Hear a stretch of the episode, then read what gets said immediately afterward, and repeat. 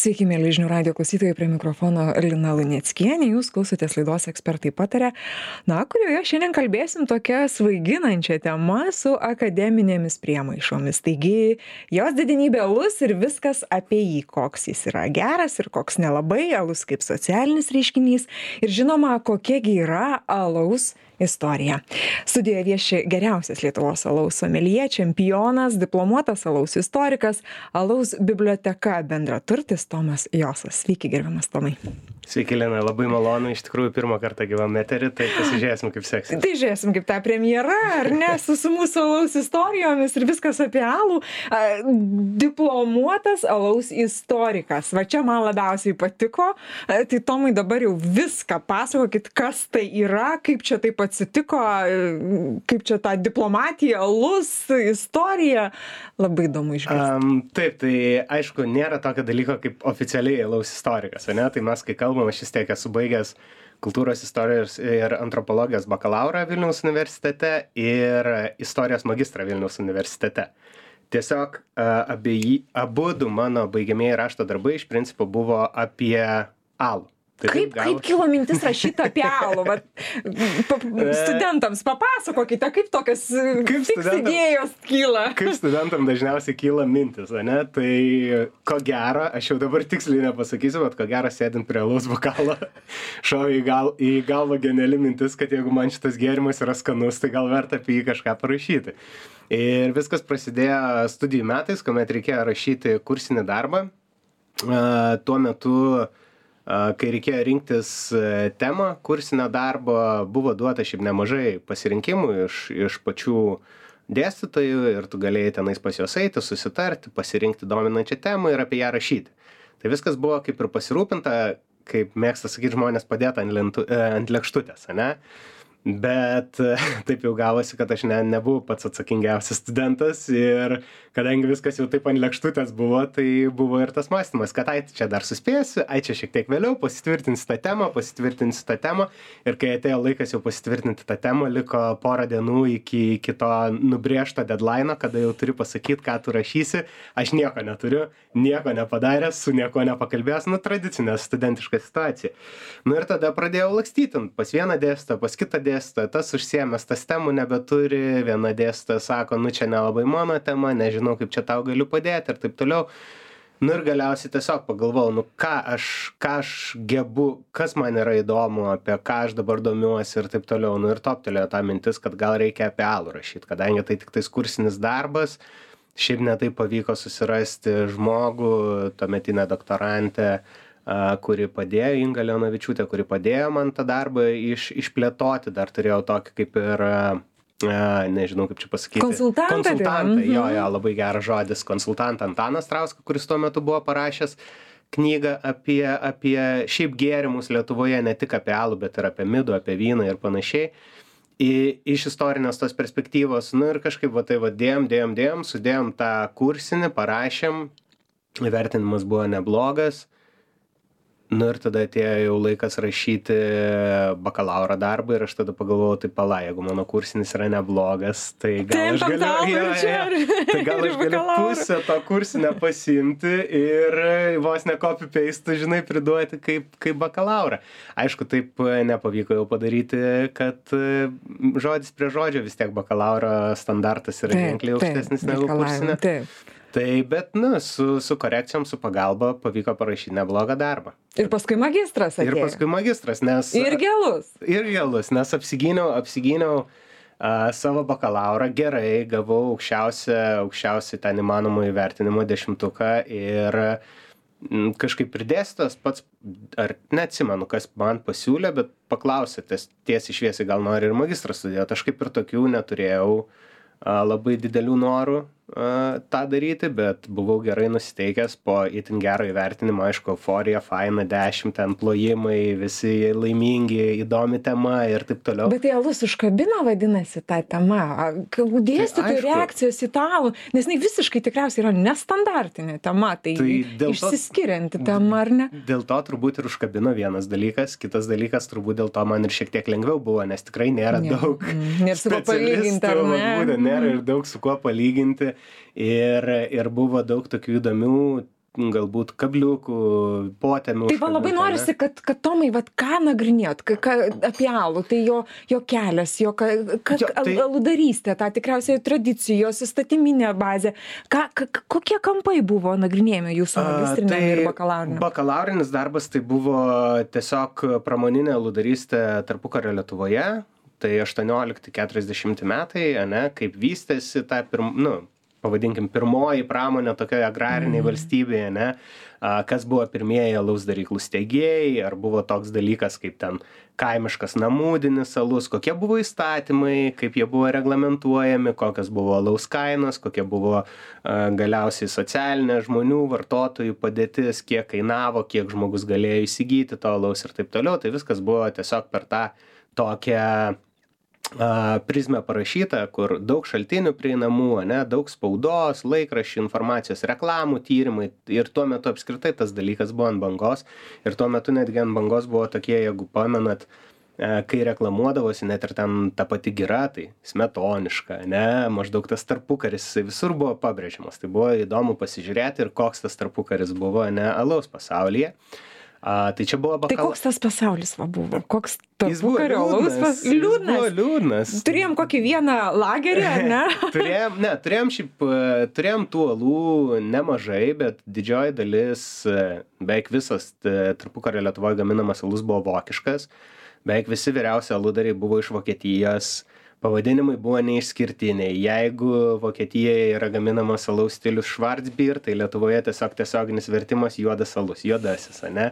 A, tai jeigu vokietijoje yra bogbyr lietuvoje vertimas ožio alus viskas važiuojam. Jeigu yra vokietijoje mercen lietuvoje kovo alus važiuojam labai paprastai labai paprastai aiškiai užtat tuos šaltinius nagrinėt buvo tikrai labai paprasta.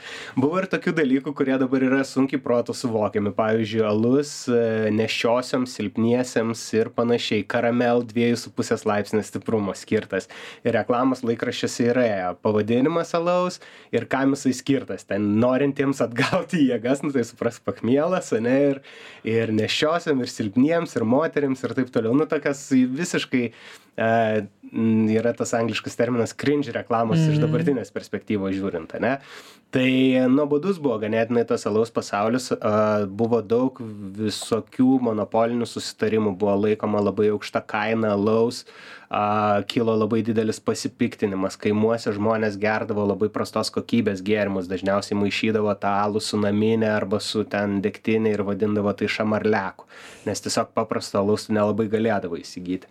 Tada galiausiai trisdešim šeštais metais kainų tvarkytojo specialybė antimonopolijos toksai kaip ir įstatymas bet vėlgi viskas labai paimama į valdžios rankas. Valdžia tau pasako kiek tu turėsi rinkos dalies kiek tu galėsi rinkos kontroliuoti kiek tu turi alaus tiekti kokios turi būt tavo alaus visiška reguliacija. Visiškai visiškai sureguliuota ir netgi yra išleisti įstatymai ribojantys alaus stiprumą ir taip toliau na vienu žodžiu po to tuos įstatymus mes labai sėkmingai ir nepriklausomai lietuvoj po devyniasdešimtų metų bandėm bandėm vos ne nukopijuoti ir perkelti į dabartinius laikus a buvo čia jeigu atsimenat irgi uždraustas alus ten man atrodo virš devynių laipsnių mhm. pardavinėti ane tai daug belgiško alaus netekom vienu metu po to e, europos sąjunga dėl laisvo prekių judėjimo liepė atšaukti tą įstatymą ir vėl atsirado pas mus lentynose tas na ir kalbant dabar jau apie tą evoliuciją kalbant apie alaus e, tradicijas e, kiek mačiau jūsų pažintis su alum prasidėjo dar du tūkstančiai aštuntaisiais metais prieš penkiolika metų. Tai kai jeigu lygintumėm dabartinę alaus rinką su du tūkstančiai aštuntaisiais metais. Kokius mes matome mm, pokyčius kai kaip kaip mūsų kaip mūsų šita sritis evoliucionavo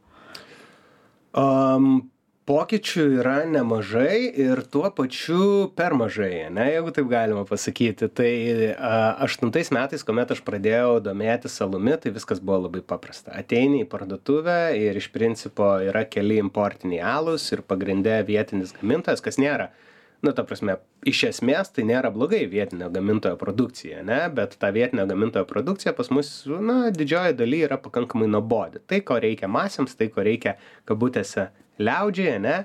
Tai daug e, vienodų lagerių su skirtingom etiketėm ane? Visas alus apie penkis laipsnius nu labai e, lietuviai turi labai daug mitų apie alų susikūrę ane? Kad Mhm. tenais t- alus tiktais toks ir toks jeigu jau perka vieną prekės ženklą visi kiti yra prastesni ir kai degustacijas vedu tas labai ryškiai matosi ane? Aiškus paveikslas ir vat jau man užtenka to ką aš turiu ane? Tai aštuntais metais buvo tikrai pasirinkimas ganėtinai skurdus nors ir atrodė daug spalvotų etikečių daug visko alus nuo e, premium segmento iki bambalinio segmento ane? Bet realiai nu skystis savo skonio prasme akloj degustacijai tu atskirsi premium nuo bambalinio bet e, šiaip įvardinti koks ten kur alus būdavo labai sudėtinga nes na tiesiog jis daugiau mažiau visas būdavo labai panašus ane? Tai paprastieji europietiškieji lageriai a, tai per, per, tą, per tuos 15 metų daug kas pasikeitė, atsirado toks reiškinys kaip kraft aludarystė, jinai tiksliau atėjo į Lietuvą, jinai neatsirado, nes t- atsirado tai jinai jau senokai, ne, tik tais, kad į Lietuvą labai vėluojant atėjo, atsirado pirmosios tos mažosios alaus daryklos, nepriklausomos alaus daryklos ir tada gaunasi, kad tos alaus daryklos pradėjo gaminti produkciją, kuri šiaip Lietuvoje buvo, na,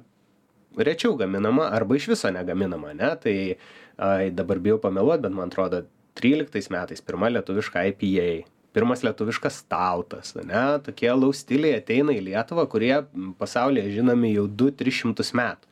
Ir tada jie atsiranda pas mus. Nu, bet? Tomai, bent jau gerai, kad jie ateina. ar ne? Ateina, bent jau faktas, faktas. Bet tada, kuomet jau prasidėjo visas tas mažųjų alaus daryklų bumas, prasidėjo galbūt, sakykime, iš tam tikros pusės ir kultūrinė sklaida apie tai, kokie gali būti skirtingi skoniai, koks tai yra iš tikrųjų platus gėrimas. Ir čia kalbant apie visus gėrimus, tai kas tada atsitinka, mes irgi kuo puikiausiai žinome, ne? Tada atsitinka, nu, realiai reklamos ribojimai, lapų plėšimai iš žurnalų su ten alkoholio reklama yra uždraudžiama viskas, yra uždraudžiama iš principo pasakoti, labai stipriai keliami mokesčiai, ne, kai aplinkinėse valstybėse, aplinkinėse valstybėse, pavyzdžiui, dabar kaip Lenkijoje, mažiesiam aludariam yra taikomos įvairios e, akcizo lengvatos, tai na Lietuvoje, okei, dabar jau yra šiek tiek tos lengvatos įvesta, bet vis tiek, nu, palyginus su aplinkinėmis šalimis Latvija, Lenkija, tai na, pas mus ženkliai griežtesni ribojimai ir tas sustabdo visą mūsų evoliuciją. Ne? Mes liekam virti tose pačiose savo sultise ir dabar ko gero yra daugiau užsidariusių mažų alaus daryklų negu atsidariusių, nes rinka vėl yra labai sutelkta į daugiausiai pramoninį produktą. Kalbant apie mitus, ką jūs užsiminėte, norisi dar vieną paliesti būtent alaus įvaizdžio, ką mes šiek tiek dar prieš laidą ar ne kalbėjome, kad alaus įvaizdis ir kaip jo socialinio katalizatoriaus vaidmuo, na tikrai dažnu atveju dažniausiai a, alus siejamas su, triukšminga kompanija, su barais tokiais šiek tiek nudrenktais tokiais ar ne, a, sporto varžybomis, a, baikeriai, motociklai. Tuo tarpu imkime tą, kaip sakant, artimiausią, artimiausią brolį alų į vyną, ar ne, jau įsivaizduojam visai, visai kitos asociacijos. Tai ir, ir, ir rami aplinka, tokia inteligentiška, rafinuota. A, kaip čia jūs matote? Ar čia kinta kažkas? Ar čia įmanoma kažką pakeisti? Ar alus taip ir visą laiką liks toj pozicijoj tam vaidmeny? Ir ir ir nepakils aukščiau? Nu kaip pasakyt nenori nesinori jokiais būdais alaus ten demonizuot ar dar kažko tai Bet- nuvertint bet Čia yra labai geras klausimas iš tikrųjų. Aš manau, kad iš dalies taip ir liks. Na, ta prasme, tas įvaizdis yra ne tik Lietuvoje, jisai visame pasaulyje yra plius minus toks pats, ne? Ir čia nėra gerai ar blogai, ne? Ar čia a, tai, kad vynas yra labiau toksai, į vyną yra žiūrima kaip į labiau sofistikuotą gėrimą, tai čia yra viskas tuo ok, na tiesiog kitos galbūt progos, kitų aplinkybių gėrimas, ne, kitaip patiekiamas, kitaip komunikuojamas. Su alumi yra taip, kad na, nuo XIX amžiaus vidurio, kuomet atsiranda pirmieji jau tokie pramoniniu būdu pagaminti lageriai, alus visą laiką buvo tas centų ir litrų žaidimas. Ne? Kuo daugiau litrų, kuo daugiau parduoti, kuo labiau masėm pritaikyti ir taip toliau, ne? kad būtų kuo lengvesnis skonis. masinio vartojimo jo. Būtent, kad Mhm. jisai pataptų masinio vartojimo kasdienos, ne, jeigu taip galima sakyti, kad ir kaip alkoholiškai tas skambėtų produktas, ne. Ir iš principo e, tame nėra kažko labai blogo, ne, tiesiog įvaizdis bet e, ką dažniausiai žmonės sutapatinę gėrimą su tokiu įvaizdžiu, ką jie praranda, jie praranda visą tą spektrą retesnių, įdomesnių ar šiek tiek brangesnių produktų iš tos pačios kategorijos. Ir tuomet mes, tarkim, Lietuvoje atsidurėme tą, atsimušame tą barjerą, kad mes negalim komunikuoti laisvai apie išskirtinius mhm. kažkokius produktus. Mes negalime mm, vartotojai laisvai paaiškinti, kodėl, tarkim, už vieną laus buteliuką tu moki 95 euro centus, o už kitą moki 7 eurus 95 ane, centus. Tai e, kai tu negali parodyti galbūt taip laisvai tos, e, to platesnio alaus pasaulio, ne, kai tu negali apie jį taip e, laisvai papasakoti ir taip toliau, tai tada mes atsidurėm toj padėtyje, kur mums ir atrodo, kad, na, alus apsiriboja tik tai to, tuom, kas yra parduotuvių lentynose sudėta, arba alus apsiriboja tik tais tuo įvaizdžiu, kuris yra mūsų galvose. Ir tas alaus įvaizdis mūsų galvose, jisai kinta kartu su kartomis, ne? Tai taip kaip alų matė mano senelis, tai yra visiškai kitaip negu kaip aš dabar matau alų ir tai yra kaip aš matau alų, ko gero po trisdešim metų jau žmonės galbūt tiktais apie nealkoholinį alų kalbės va prakalbot o ne apie nealkoholinį. Kaip čia yra nes irgi mitų daug į, į nuomonių daug kad čia chemiją geriam geriau vandenį gerti negu nealkoholinį alų. Gal trumpai nes dar turiu milijoną mm. klausimą. Okay. noriu suspėt. Tai jeigu labai trumpai tai na nealkoholinis alus šiaip labai populiarėjantis reiškinys viena ar bene vienintelė auganti alaus kategorija apskritai. Ir pavyzdžiui net ir mano privačiose vedamose degustacijose atsiranda daug žmonių, kurie nori uh, ragauti nealkoholinį alų. Pavyzdžiui, gruodžio mėnesį netgi vedžiau vieną tik nealkoholinio alaus degustaciją, ne? Tai atėjo žmonės tiesiog paragauti nealkoholinio alaus. Tai dabar nealkoholinio alaus, vėlgi, tas suvokimas per 15 metų, kaip pasikeitė nealkoholinis alus, jis yra milžiniškas.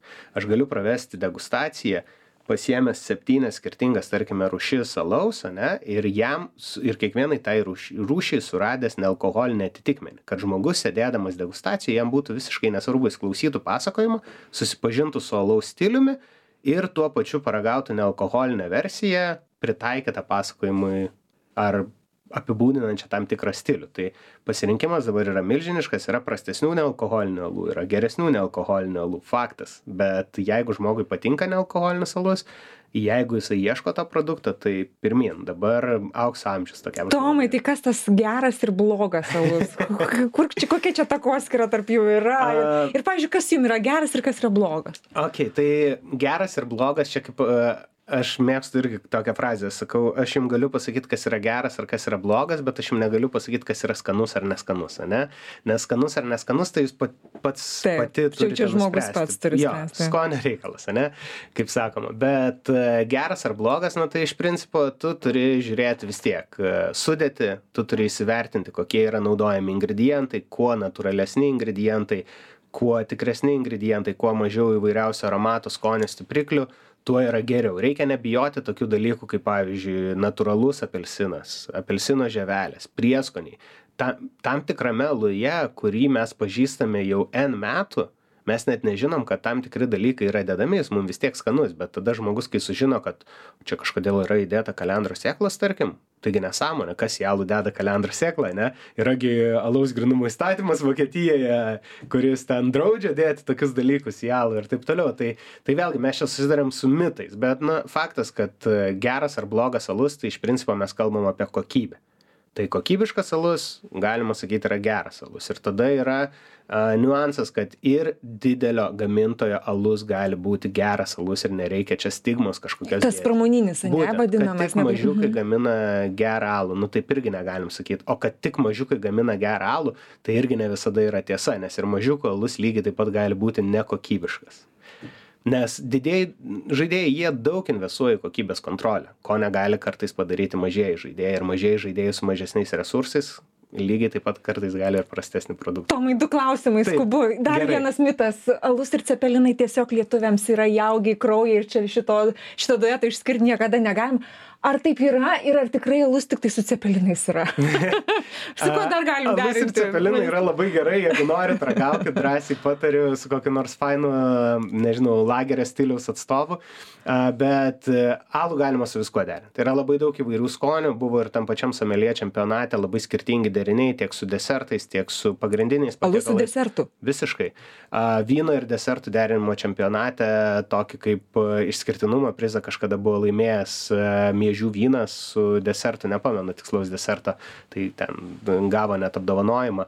Tai alus gali būti labai saldus, labai rūkštus, labai kartus ir jis dera arba yra priešingybė tam tikriems skoniam ir tuos skonius galima sužaisti. Viename aluje mėlė sukurs bananų ir gvazdikėlio aromatą, irgi puikiai tiks prie, prie tam tikro deserto. Tai svarbu, kaip pasirinksit ir kas jums padės suderinti tą produktą, bet suderinti tikrai galim. Ir tada jau skonio reikalas Skonio reikalas, visiškai. Čia galit valgyti alų su juodu šokoladu drąsiai. prašau. Teisingai buvo alus su juodo šokolado. Ir dabar paskutinis klausimas. Ar lietuva gero alaus šalis?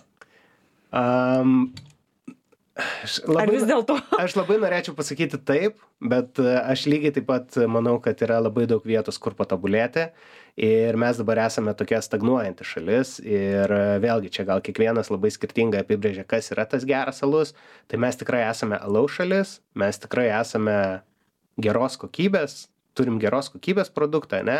Bet e, mes turim per mažai galbūt ir lietuviško produkto ir mes tikrai turime kur patobulėti. Tai Lietuva yra neblogoje vietoje, ne? bet tikrai galim pakilti aukščiau, tikrai galim padaryti geriau. turime erdvės kur stiebtis ir pasiekti noriu dėkoti jums už pokalbį žinių radijo klausytojams primint kad šiandien laidoje ekspertai pataria svečiavosi geriausias lietuvos alaus someljė čempionas diplomuotas alaus istorikas alaus biblioteka bendraturtis tomas josas jį kalbinau aš lina luneckienės ir toliau likit su žinių radiju gražių jums dienų Ačiū.